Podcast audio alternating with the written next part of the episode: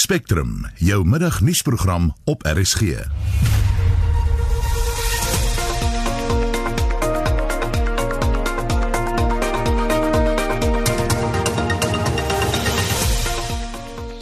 In die programme vooraanstaande ekonom sê die Reserwebank het 'n gulde geleentheid verspeel om 'n impak op die ekonomie te maak. Dis so onseker. Ons het nie volle data nie. Ons weet nie presies wat gaan gebeur nie. So ekonomiese groei gaan heel waarskynlik baie swakker wees as wat die meeste van ons dink. En in daardie buitengewone omstandighede dink ek behoort die Reserwebank meer aggressief te wees met rentekoersdalings. Hulle behoort verlede week se daling van 50 basispunte bo 100 te gewees.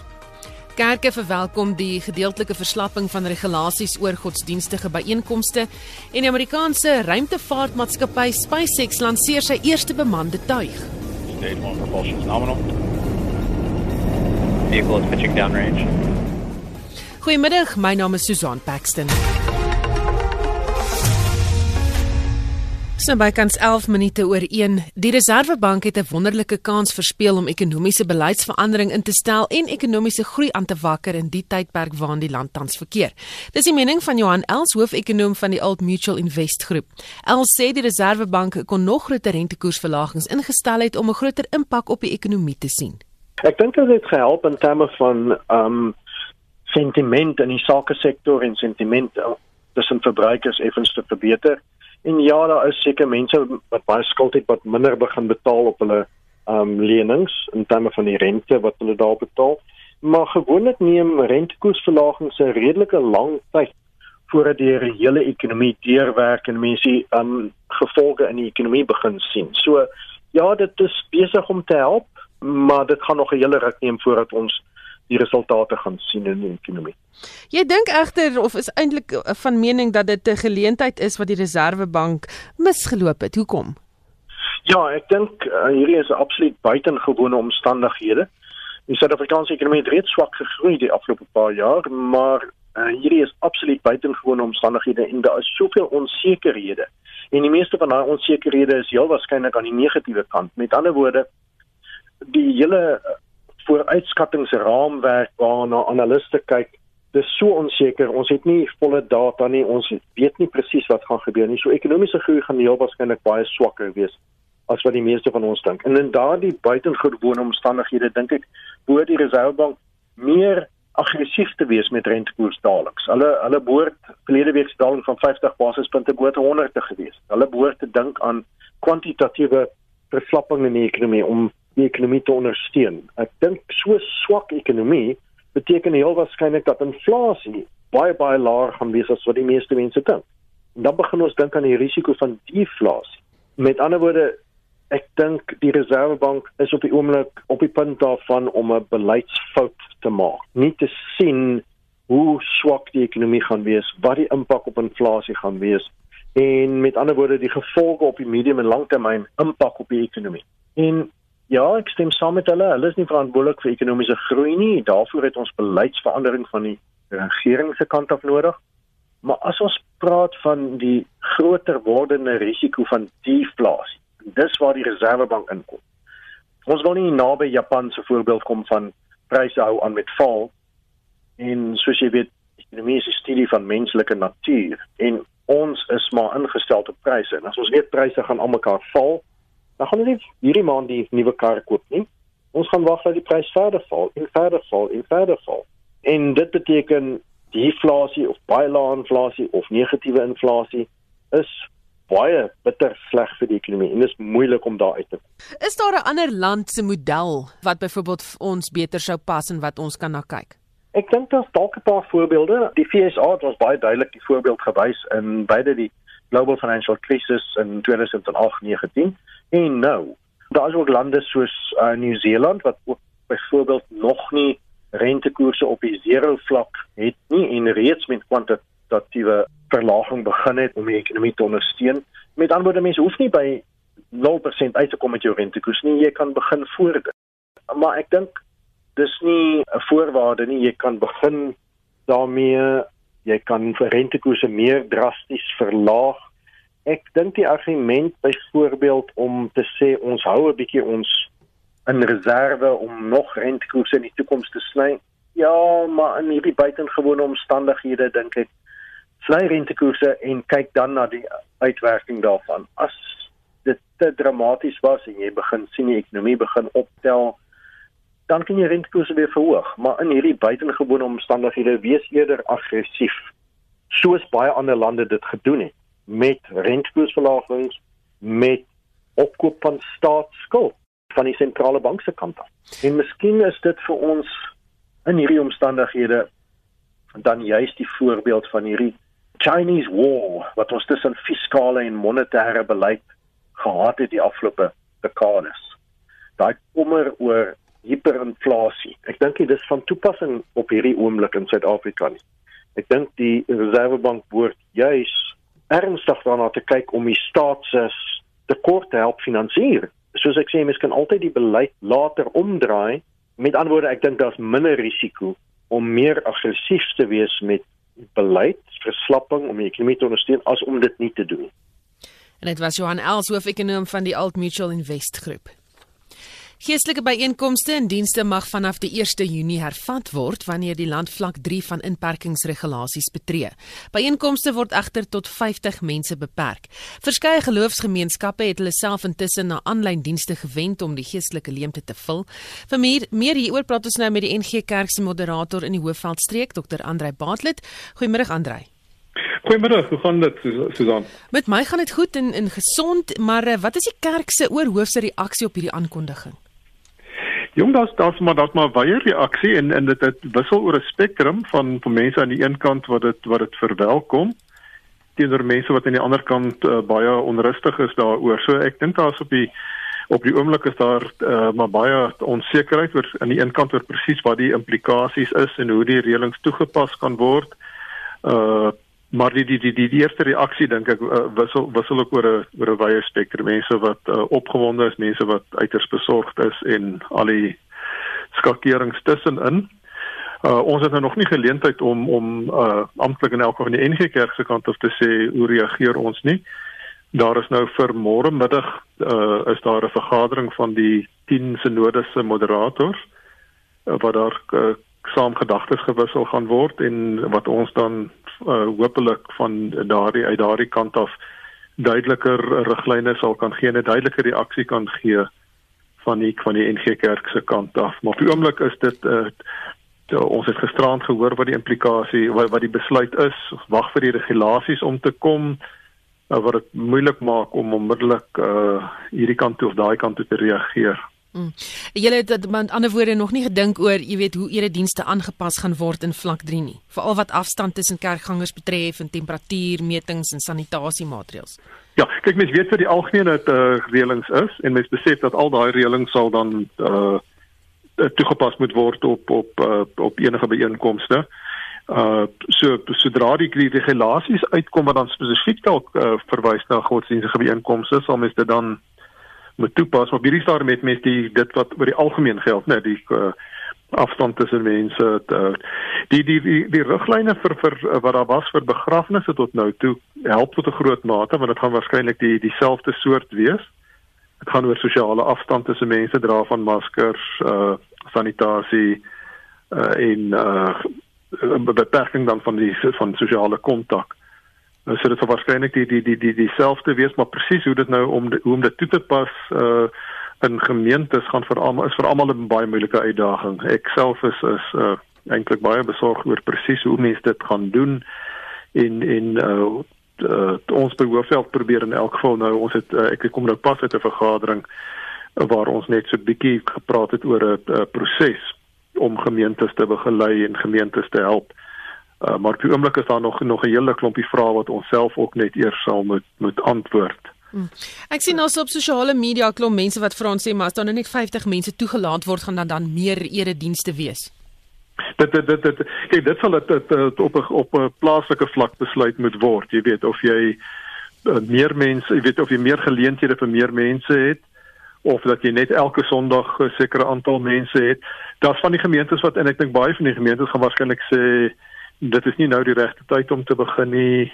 Uh dit dit gaan ook van streek tot streek natuurlik wissel. Ek jy kan nou dink 'n gemeente kom ons sê in die Noord-Kaap se platte in die Noord-Kaap se platteland waar daar lae insidensie van die uh infeksies is. en wat dit kleiner gemeentes is gaan in 'n ander situasie wees kom ons sê as 'n 'n gemeente in die uh, in die Kaapse metropool. Mm. So uh, gaan julle dan uh, weet uh, gemeentelede of gemeentes kans gee om self ook hieroor te besluit? Kyk, dit is uiteindelik 'n gemeente se eie besluit. Mm. Maar ons sal seker maak dat ons gemeente so goed as moontlik begelei met uh met die inligting, met regulasies, met riglyne, met aanbevelings. Uh dit bly uiteindelik uh, dat uh, uh, selfs onder die onder die huidige sê maar vlak 5 en vlak 4 uh as 'n gemeente sou besluit hy tree buite die regulasies op, dan doen dit in elk geval op eie op eie risiko. Die beste wat ons kan doen is om te sê dit is wat die regulasies is. Ons beveel aanhou daarbey uh en probeer om soveel as moontlik duidelikheid te gee en mense ook dan te te maan om versigtig te wees. Daar's mense wat wat uh 'n onmiddellike reaksie na die president se toespraak gisterand uh onmiddellik ek wil amper sê oor entoesiasties wou reageer. Daar's ook mense wat met die voorstelling werk dit mag nou van eerskomende Sondag af al gedoen word wat natuurlik uit die aard van die saak nie nie die geval is nie. Wat ook al uh gedoen mag word mag sal ons nou eers van die 1 Junie af wees van Maandag af wanneer vlak 3 uh, in werking in werking tree. Dan verskeie kerke het dienste na digitale platforms verskuif. Dink jy dis ja. hier om te bly? Ek dink is hier om te bly. Dit gaan in elk geval dink ek vir die die totdat ons op vlak 1 of of uh, is sal dit in elk geval moet voort sal dit voortgaan. Ek dink meeste gemeentes is ingestel daarop. Ek dink in die toekoms gaan dit in elk geval wanneer normale eredienste weer plaasvind, uh daar soveel wat wat gemeentes geleer het met die digitale goed dat ek dink dit gaan 'n dit gaan 'n parallelle uh, bediening wees van die kerk. Wat baie gemeentes vir ons sê is dat hulle kom agter hulle betrek uh, hulle bereik nou mense wat uh, hulle voorheen nie bereik het nie en wat hulle as dit alles weer terug na normaal is ook nie met die normale bediening gaan bereik nie. Byvoorbeeld mense wat sê van hulle lid van hulle vorige lidmate wat in die buiteland is skakel nou in op hierdie eredienste en dit beantwoord aan 'n groot behoefte van hulle wat nie net met die huidige situasie doen dit nie. So ek het ek voorsien dat dat dat dat uh, met dit wat ons alles geleer het in hierdie tyd en en ek is baie beïndruk met wat predikante en gemeentes uh, in hierdie tyd uh, bereik het en gedoen het. Ek dink met wat ons geleer het, uh, gaan ons sê hier's 'n baie belangrike aanvullende bediening van die kerk se kant. Wat hier is om te bly. Ek dink nie dit gaan is hier om te bly as die as die enigste bediening nie. Ek dink mense het 'n behoefte aan 'n persoon tot persoon uh uh erediens in by Maar daar is ook 'n behoefte is aan mense wat sê uh die digitale ding maak dit vir ons moontlik uh om in te skakel waar ons dalk nie kan inskakel nie. Hmm. Baie dankie dit was Dr. Andrei Bartle die NG Kerk se moderator in die Hoofveld streek. Ons bly by die storie met reaksie uit die moslemgemeenskap waar groot eh, geloofsbyeenkomste ook 'n instelling is.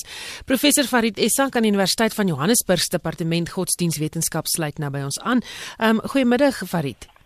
Goeiemiddag, lekker om saam met julle te gesels. Wat is die moslemgemeenskap se algehele gevoel oor die aankondiging? Wel, dink dit is gewoonlik dat daar 'n koherente en goed georganiseerde uh, gemeenskap. En dit is wel die, die beeld wat ons vir die buitewêreld wil uh, skep. Maar uh, het is eintlik in teenstryd met ons eie interne gemeenskaplike werklikheid.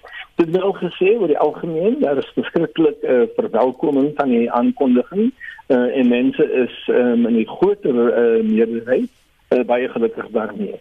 Dit gaan wel gepaard met ook 'n sin van angs. Sal ons die mas kan opkom? Ehm um, hoe gereed is ons? Het ons die vermoë om aan al die regulasies te voldoen? So uh, op op 'n meer kritieke vlak dit is angs um, baie van die lede in die gemeenskap het. Maar op 'n openbare publieke vlak daar is net verwelkoming en uh, en en baie gelukkigheid vredeheid uh, onder die gemeenskap. Is daar al planne in plek om uh, jy weet mense se gesondheid te beskerm want hierdie aankondiging was baie skielik. Ehm um, ek dink 'n bietjie te skielik alhoewel ons nog ehm um, vier vyf dae so die groot dag ehm um, gaan miskien hierdie so gou soos hierdie Vrydag geskied. Ehm um, nee, nie die Vrydag, nie volgende Vrydag. So daar is nog tyd vir ehm um, goeie beplanning. Ehm um, en dit gaan ehm um, dan is natuurlik 'n bietjie van 'n uh, aanpassing wat sal gedoen moet word om aan die inperkingsregulasies te voldoen en dit behels uh, vir die gemeenskap met basies drie dinge die ene sosiale distansiering en dit hang af van die grootte van die moskeeë en en watter tipe van um, ekonomiese uh, gemeenskap jy jouself bevind. Uh, sosiale distansiering is die uit die aard van die saak veel maklik makliker vir die daaglikse gebede.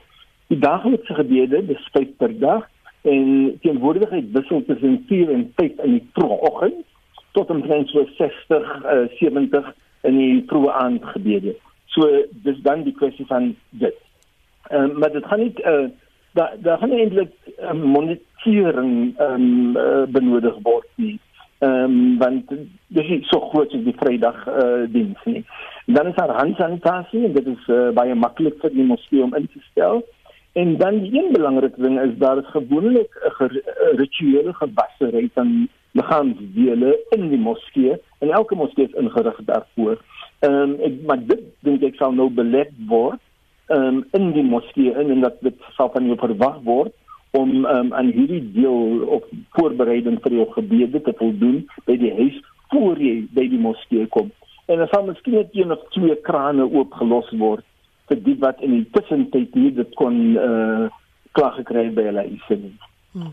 Is daar enige ander veranderinge wat uh, noodgedwonge gemaak moes word, weet soos digitale byeenkomste? Ehm um, wel ehm um, net soos uh, die gesprek met uh, Andre Bartlett wat um, my nou voorgeloop het.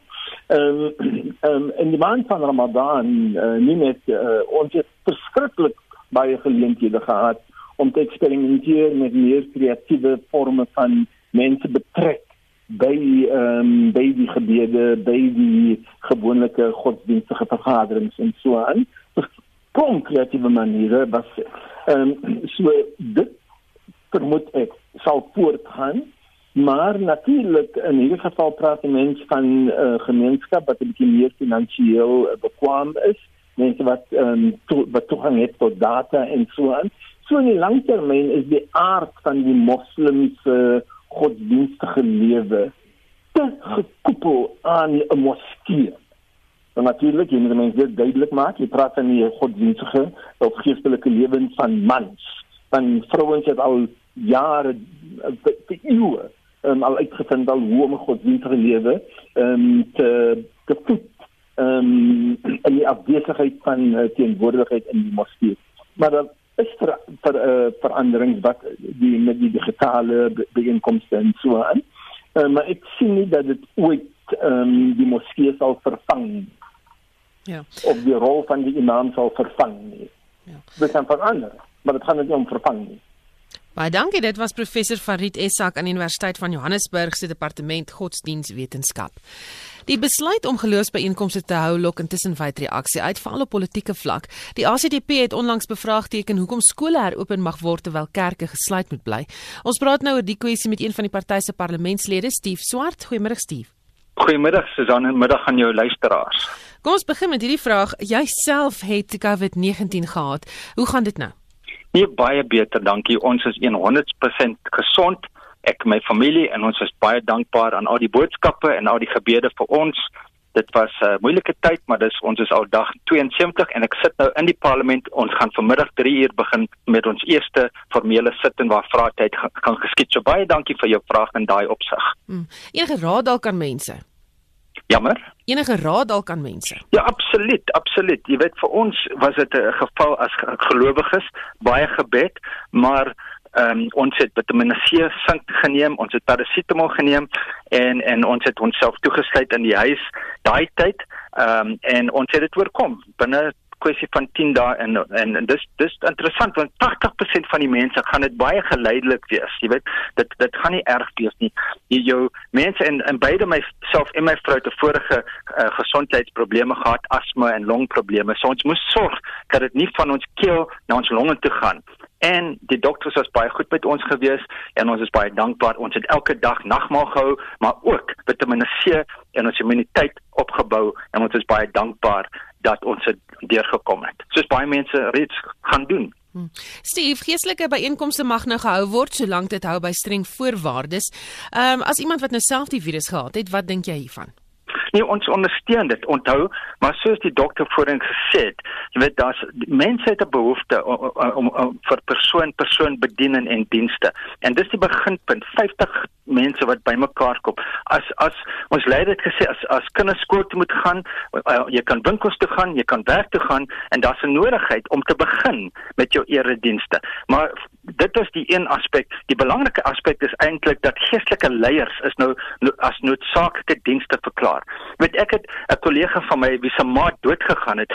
Sy kon nie by haar wees nie. 'n Pastoor kon nie by haar wees nie. Dit het glad niks te doen met COVID-19 gewees nie. So dis onmenslik. So dis die een aspek. Kerke kan ook kospakkies uitdien en en praktiese help gee. En dan die derde punt is die kwessie van die vergaderings, 'n gedeeltelike opening maak net in agnemend van soos jy voorheen gesê het, temperatuur, sanitasie, afstand uh, uh behoorlike afstand wat gehou word kan dit gedoen word veral met jou groot kerke en ek stem saam ons daar's 'n uh, uh, ons moet maan om versigtig te wees maar daar daar is beslis 'n behoefte ons sien hoe mense nou in die oefentyd begin sa begin loop en uh, aanbod en veral nou uh, van volgende maand af met vlak 3 dink ek dis 'n goeie beginpunt Hmm. Daar is kritiek teen die besluit en dit is uh, dat kerke juis kan dien as verspreidingspunte vir die virus. Ehm um, julle reaksie daarop? Wel, dit hang alles jy weet daar sal nodige voorsorgmaatreëls in plek uh, gestel word. En en dit baie mense verwys na daai konferensie in Bloemfontein. Ek was self daar gewees. Dit was voor alles geskied het. Voor daar was nie eers 'n uh, inperking daai dag. Almal was daar. Daar was honderde mense saam. Daar was geen temperatuur, ehm um, sanitasie, afstandbeheer gewees. Ek dink ons kan dit doen. Daar is 'n behoefte aan persoon persoon bediening en dienste en ek stem ehm um, saam met al die leiers wat sê daar's 'n behoefte daaraan. Kom ons begin hiermee. Kom ons wees as kinders skool toe gaan gaan, dan kan ons as volwassenes volwasse optree, verantwoordelik optree om te sorg dat mense nie besmet word nie, dat ouer mense of mense met onderliggende siektes nie kerk toe kom nie, maar diegene wat kan en wat wil kom, kom gerus in met daai voorsorgmaatreëls. Niemand is verplig om dit te doen nie. Niemand word verplig, maar daar is 'n geleentheid vir diegene wat reeds wil doen om te kom, want dit is vir ons insiens baie belangrik. Die Here sê vir ons, ek is die Here wat julle gesondheid hou en ons het dit self as 'n familie ondervind. En ons ook vra hoekom by einkomste nou in kerke gehou mag word, maar dat dieselfde nie met sport of restaurante geld nie. Uh, julle standpunt daaroor? Nee, ek dink daar gaan geleidelik alles gaan uh, oopgemaak word. Ons moet besef daar is ehm um, ons beweeg nou na vlak 3 en ons besef ook ons moet onthou dat hier is omtrent 500 mense per dag wat siek wat doodgaan in ons land en dis tragies aan ander kroniese siektes. So dis iets waarmee ons bly en ons voel dat daar al hoe meer die ekonomie moet oopgemaak word en dis 'n goeie punt. Ehm um, maar daar is 'n behoefte ons insiens vir jou kerkdienste en mettertyd vertrou ons dat jou restaurante kan oop ook gemaak word jou, jou sportklubs en dis meer met behoorlike voorsorgmaatreëls. Dis baie belangrik vir ons Baie dankie, dit was 'n ACDP LP Steve Swart. As jy pas by ons ingeskakel het, geestelike byeenkomste mag in vlak 3 van inperking hervat word mits daaraan streng voorwaardes voldoen word. Byeenkomste word onder meer beperk tot 'n maksimum van 50 deelnemers. Professor Dirk Coetzee verbonde aan Universiteit Pretoria sluit nou by ons aan met meer inligting. Uh, Goeiemôre Dirk. Goeiemôre, ek is by Unisa, nie nie Tikkies nie. Ag, ekskuus, ja, Unisa se departement politieke studies. Ekskuus Dirk. Uh, sê vir my, ehm um, dit klink vir my as ek na almal luister wat uh, ons nou mee vroeër gepraat het, is dat hulle baie ehm um, onverwags of onverhoeds betrap is met hierdie besluit dat kerke weer mag oopneem. Hoekom is daar juis nou besluit om dit oop te maak, weet jy? Wel, uh, Sondag aand het president Ramaphosa aan sy toespraak waarin hy nou aangekondig het dat die die vlak na vlak 3 toe gaan verlaag word, het hy genoem dit genoem en gesê dat dit op daardie stadium was hy nog nie uh, presies seker oor wat dit gaan die situasie gaan wees nie, maar hy het toe gesê dat hy dit die gesprek met die met die kerklike groepe sal aangaan. So hy het die, definitief die deur oopgehou daarvoor om so besluit te kon neem.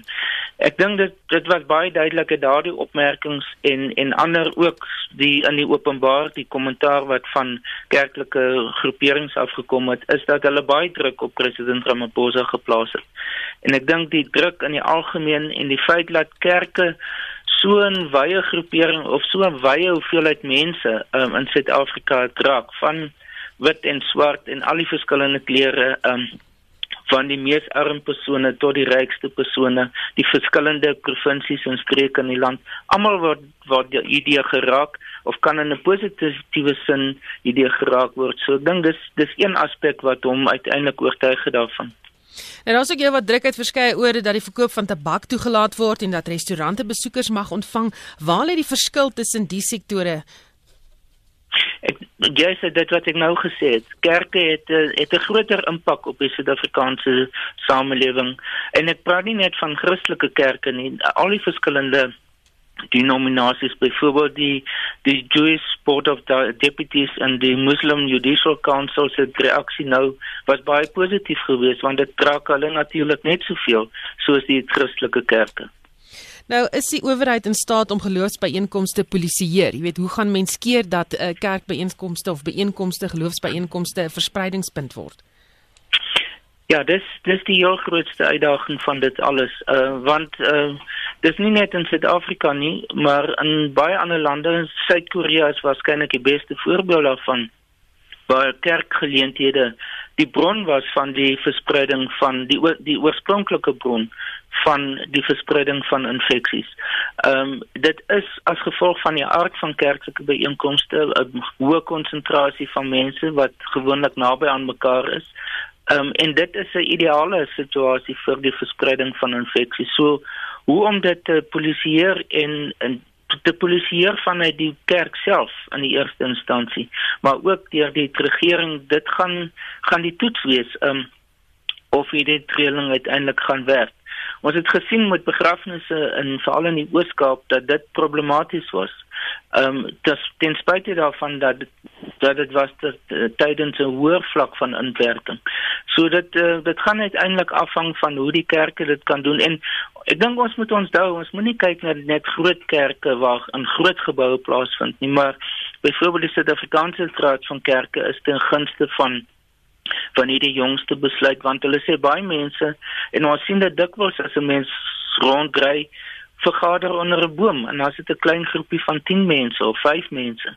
Nou hulle word net soveel geraak deur hierdie uh reëling of hierdie besluit as as die groot byeenkomste, as die groot kerke.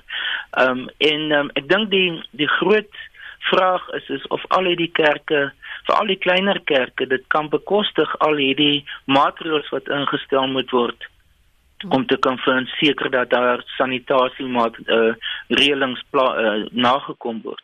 Ehm um, maar dit gaan die die praktyk gaan vir ons wys tot watter mate dit gemoontlik wees. Die publiek gaan ook 'n groot rol speel in eie veiligheid. Ehm um, dit is eerskomende Sondag 31 Mei nasionale biddag. Daarsoos die word gewoonlik gekenmerk deur massa byeenkomste. Dit is 'n dag voor vlak 3 intree. Dink jy landsburgers gaan gehoor gee aan die huidige inperkingsregulasies?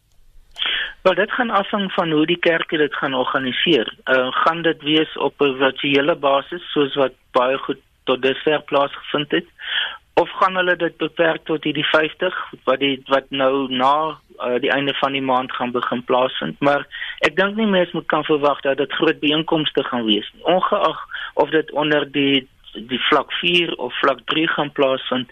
Ehm uh, die maksimum is tussen 100 nou en en 50 in in onder vlak 3. So dit gaan nie stadions wees wat gebruik kan word vir vir daardie geleentheid nie.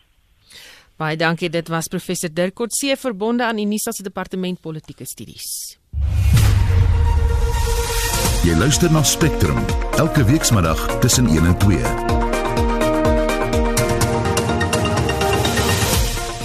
In die program die Tabakprodukte Vereniging Vita bevestig dat hy dokumente ontvang het in verband met die regering se besluit oor die verlenging van die verbod op die verkoop van tabakprodukte. Vita sê hy sal nou voor Vrydag hofdokumente aan die regering beteken. En dan uh, pasiënte, 19 pasiënte en 10 personeellede van 'n Life Esidimeni te huis vir verswakte sorg in Port Elizabeth het positief vertoets vir die coronavirus en twee ruimtevaarders vertrek vanaand uh, met SpaceX se Falcon 9 ruimtetuig na die internasionale ruimtestasie. And then if there are some cool things that we can do and help out space station at the same time like uh, those spacewalks uh, that'll be some uh, icing on the cake for us. Bly ingeskakel.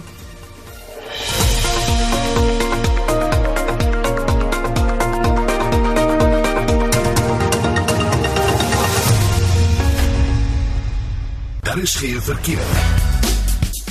In Gauteng, Johannesburg staan 'n voertuig op die N3 suid net na van Burenweg in die linkerbaan en KwaZulu-Natal staan 'n voertuig op die N3 wes net na Markweg ook in die linkerbaan en dan het Kenny Africa, hy is die Wes-Kaapse provinsiale um, verkeerswoordvoerder en hy sê die Swartberg pas tussen Oudtshoorn en Prins Albert is steeds gesluit. Dit is gevolg van sneeu wat daar geval het en dit is jou verkeersnuus. 1341 jy luister na Spectrum. Twee ruimtevaarders van die Noord-Atlantiese Ruimteagentskap vertrek vanaand omstreeks 11:30 van die aarde om hulle by die bemanning aan boord van die internasionale ruimtestasie aan te sluit. Dis die eerste keer sedert die pendelsending STS-135 in Junie 2011 dat NASA by 'n lansering betrokke is. Die lansering word deur SpaceX, die firma van die Suid-Afrikaansgebore Elon Musk, behartig. Hendrik Martin doen verslag. Musk sê die maatskappy het reeds meer as 340 miljoen dollar aan beleggings ingesamel om die projek te befonds. Een van SpaceX se Falcon 9 vuurpyle sal die twee ruimtevaarders in 'n Dragon kapsule die ruimte instuur. Die lansering sal deur die Amerikaanse president Donald Trump bygewoon word. 'n Suksesvolle lansering is belangrik vir Musk en NASA omdat dit 'n mylpaal sal wees in die poging om herwinbare ruimtetuie te ontwikkel. Een van die ruimtevaarders, Robert Beanken, sê hulle sien uit na die vaart, die eerste van sy soort in 9 jaar. We're expecting a smooth ride, but we're expecting a loud ride, uh, especially at the, the, the beginning of the mission. And as far as uh, splashing down in the water, um, nobody's done that for a, a, little while from the human perspective. And so uh, Doug and I are, are trying to be prepared for, for whatever comes with that. We do expect it to be a little bit softer than a Soyuz landing, but definitely harder than a space shuttle landing. And then uh, the ride that we get once we get in the ocean will be one that we'll, uh, we'll tell you about in, uh, in the, in the post-flight uh, press conference. Die ander lid van die bemanning, Douglas Hurley, sê die Falcon 9 is veiliger as die ou ruimtependeltuie. The thing for me is this vehicle has end-to-end abort capability, you know, on the pad all the way up to orbit. And so that perspective for me is, huge compared to shuttle where there were what we called black zones where there were scenarios where it didn't really matter if you had the right combination of failures you were likely not going to survive uh, an abort so that in and itself, and as I talked about a little bit earlier, the capsule design generically is a, is a safer design than the wing vehicle under most circumstances. So I think those two for me are probably the biggest uh, reasons. Now, I will add that you know it is the first flight with crew. It's the second flight of the vehicle, so the statistics will tell you that's riskier than say the 15th flight or 20th flight of the vehicle. But uh, I am confident in both the SpaceX and NASA teams, and we've looked at all the stuff that we need to look at. And when we're ready to launch, we'll go do it. Dit was die bevelvoerder van die SpaceX bemande ruimtesending na die internasionale ruimtestasie, Douglas Hurley. Die lansering vind plaas om 11:30 Suid-Afrikaanse tyd. Hierdie bydraes met die hulp van die nuusagentskap Reuters saamgestel en ek is Hendrik Martin vir SAK nuus. Ons praat nou verder hieroor met 'n senior navorsingsgenoot by die Suid-Afrikaanse Nasionale Ruimteagentskap, Dr Pieter Kotse. Goeiemôre Pieter. Hallo, goeiemôre. Kan 'n mens hierdie as 'n mylpaal in ruimtevaart beskou? Ja, ongetwyfeld. Ek dink daar's twee uitstaande kenmerke van hierdie spesifieke lansering wat as 'n mylpaal in die geskiedenis van ruimtewetenskap uh, bestempel kan word. Van die eerste plek is dit die eerste bemandingssending in 9 jaar vanaf Amerikaanse grondgebied of van hulle eie ruimteagentskap ruimtesendingstasie die Kennedy ruimtesending en dan ook is dit die heel eerste keer dat Amerika of die NASA gebruik maak van 'n private maatskappy soos SpaceX. Hoe werk SpaceX se herwinbare stelsel as mens dit nou met uh, die pendeltye van destyds vergelyk? Ja, die uh, groot onderskeid tussen die pendeltye en ook die uh, sendings na die maan is dat uh, Elon Musk het 'n tegniek of 'n tegnologie ontwikkel om ten minste die eerste twee stadiums van die vierpyl heel uit te lan uh, herwin. Dit val die platform op in die see en hy gebruik dit dan weer om vir die verdere lanserings te doen. So in daardie opsig bespaar Elon Musk enorme hoeveelhede geld wat andersins net verlore sou gegaan het. Is dit nie maar die beginsel waarop die Apollo sending gewerk het nie? Die Apollo sending het soortgelyk gewerk, maar al die stadiums het uitgebrand of het in die see geval. So in hierdie geval gebruik Elon Musk weer dieselfde stadiums om weer voor uh, verdere lanserings te doen. So hy bespaar ongelooflike hoeveelhede geld en dit is die tegnologie wat NASA, die Amerikaanse ruimteagentskap nog nie bemeester het en dit maak hom onderskei om van alle ander uh, ruimteagentskappe. Wat beteken dit vir NASA wat tot nou toe afhanklik van die Russe was om ruimtevaarders na die internasionale ruimtestasie te neem? In die eerste plek, dit is 'n enorme kostebesparing. Kyk, as 'n mens vat 'n gemiddelde prys vir 'n pendelvlug of 'n pendellansering is ongeveer 1.6 duisend miljoen dollar.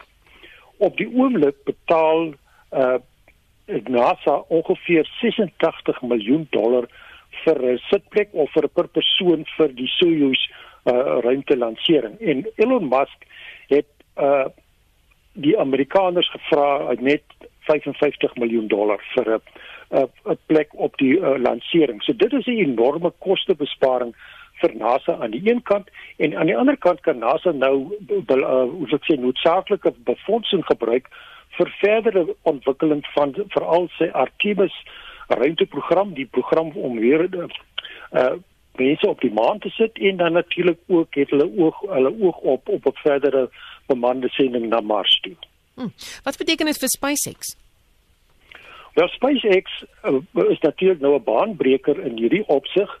Dit lui die weg in en op die oomblik is SpaceX se korrupsie verder gevorder as wat Boeing is. Boeing is 'n ander maatskappy wat ook gekontrakteer is deur NASA om soortgelyke platforms vir lansering te ontwikkel, maar op hierdie stadium is SpaceX eintlik die uh, voorloper en die uh, opposite die pas aangeheer en is dit natuurlik in 'n ander opsig vir Elon Musk baie belangrik. Hy toets nou tegnologie of op, op bemande tye om mense éventueel Mars toe te neem. En aan die ander kant ook is dit ook vir Elon Musk hoe sou ek sê 'n advertensieplatform om ruimtetoerisme in die toekoms aan te moedig. Dit wil sê waar mense nou kan betaal om vir 'n rukkie boek aan die aarde te in 'n ruimtetuig te wentel en dan weer terug te kom. So in die opsig kan hy dus uh hoe wat geld inwin want Elon Musk in die eerste plek is eintlik maar 'n besigheidsman en hy kyk waar kan hy uh finansies maak en hoe kan om hy geld in te samel. Baie dankie. Dit was 'n senior navorsingsgenoot by die Suid-Afrikaanse Nasionale Ruimteagentskap Dr Pieter Kotse. Lugvaartkenners meen dat die Suid-Afrikaanse lugdienste besluit om vlugte te hervat sonder die regering se finansiële bystand, die lugdiens net verder in die finansiële verknorsing kan dompel. SAL het aangekondig dat hy gereed maak om plaaslike vlugte te hervat tussen Johannesburg en Kaapstad vanaf mid-Junie. En ons praat nou met 'n onafhanklike lugvaartekonoom Dr. Joachim Vermoten. Uh, Goeiemôre Joachim. Uh, Goeiemiddag uh, Susan en luisteraars. Wat is jou reaksie op die aankondiging deur SAL? Wel, die aankondiging van Israel het twee dele. Die ene is dat hulle hulle vlugte wat geskeduleer is uh, vir die streek en internasionale roetes uh, gekanselleer het. So, dit is noodsaaklik dat hulle dit doen om die uh, besprekingsstelsels uh, skoon te maak. Maar die alle element gaan oor uh, die her uh, loodsing van uh, binnelandse vlugte tussen Johannesburg en Kaapstad. Nou die besigheids uh uh herstel uh, uh praktisyns het vanoggend 'n verklaring uitgereik dat uh, hulle definitief nie dit uh, goedgekeur nie en dat daar nie fondse is om dit uh, te befonds nie. So uh, die binnelandse been sal definitief nie plaas vind nie. Ehm um, sou dit dan nou uiteindelik uh, goedgekeur word. Hoeveel ondersteuning het Israel nodig van die regering om die finansiëel of om dit finansiëel die moeite werd te maak om te vlieg? So die eerste aspek is ons is nie seker wat die reëls gaan wees nie. Uh onder uh die uh, vlak uh maar ons is nou 4 en 3 ehm um, as ook uh, vlak uh 2 uh is daar beperkings op uh, lugdienste. Uh mense mag net vir besigheidsdoeleindes reis en dan sit nog steeds onder die ewig aan die algemene beperkings dat jy eerder van die huis af met werk en natuurlik die 50 uh, aantal mense in een plek. En uh, die lughawens het ook nog nie kennis gegee van watter vereistes hulle gaan plaas nie. Daar is wel spekulasie dat uh, nou streng kapasiteitbeperkings gaan wees wat dit baie moeilik gaan maak vir groter kommersiële vliegtuie sê van 180 sitplekke om um, voordat al die uh, vlakke van beperkings gelig is uh weer te uh, uh te begin bedryf. Uh dit is wel moontlik vir besigheids uh soos besigheidscharters en maatskappyvliegte uh, om te begin bedryf. Uh maar dit uh, affekteer nie die groter uh, lugdienste nie. Hm. Wat staan Israel eintlik te doen hier? Wel, soos wat ek verstaan is daar nie twee uh, alternatiewe wat regtig op die tafel is.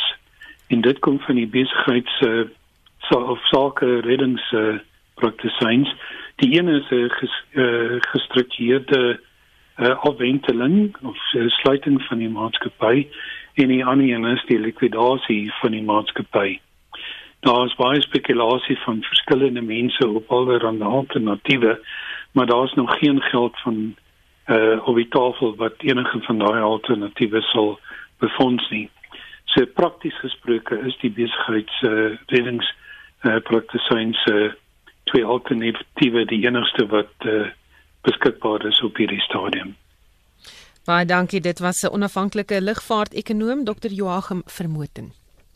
Shaun Justus het gereed met sportnuus. Rugbynuus. Die Stormers afrigter John Dobson het gister aangekondig dat die voormalige WP loskakel Tim Swiel terug is in die Kaap en sy plek in die span deur die klubstelsel wil losspeel. Swiel het in 2012 en 13 vir die WP onder 21 span gespeel en toe by die Sharks vir die Karibeker reeks aangesluit. Hy is sedert 2014 in Engeland en het vir die Harlequins en Newcastle Falcons op die veld uitgedraf. Hy is weens persoonlike redes terug in die Kaap. Die Bulls herbouproses word voortgesit met die nuus dat die WP Akker Skalkie Erasmus 'n 3-jaar kontrak met die span van Pretoria geteken het. Erasmus het die Varsity beker reeks met die Maties in 2018 en 19 gewen. Die junior bokke tot 'n bronsmedalje in Frankryk in 2018 gehelp en sy WP debuut in die Supersport rugby uitdaging en Karibeker reeks in 2019 gemaak. Die voormalige afwisleerling sluit volgende week by die Bulls aan. En laastens, die Springbok vleuel Travis Ismail keer ook terug na Pretoria met 'n 2-jaar kontrak met die Bulls geteken.